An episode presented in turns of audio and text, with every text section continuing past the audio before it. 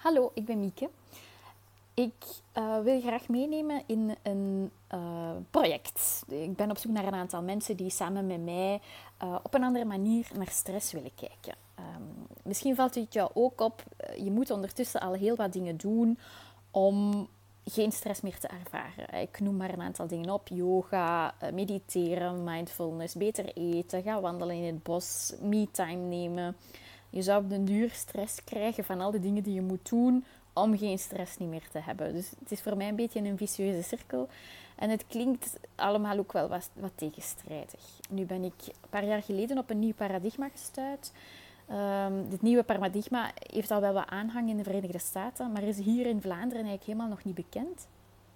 En ik zoek een aantal mensen die samen met mij vanuit dat nieuwe paradigma naar stress willen kijken. Herken je jou in die paradox van ik moet heel veel dingen doen om minder te doen?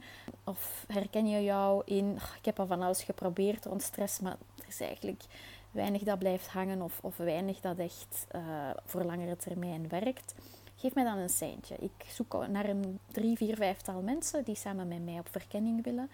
Um, ik zou willen starten eind januari. Um, het wordt volledig online uh, gebeuren. Dus uh, je kan het gewoon vanuit je luie zetel mee volgen.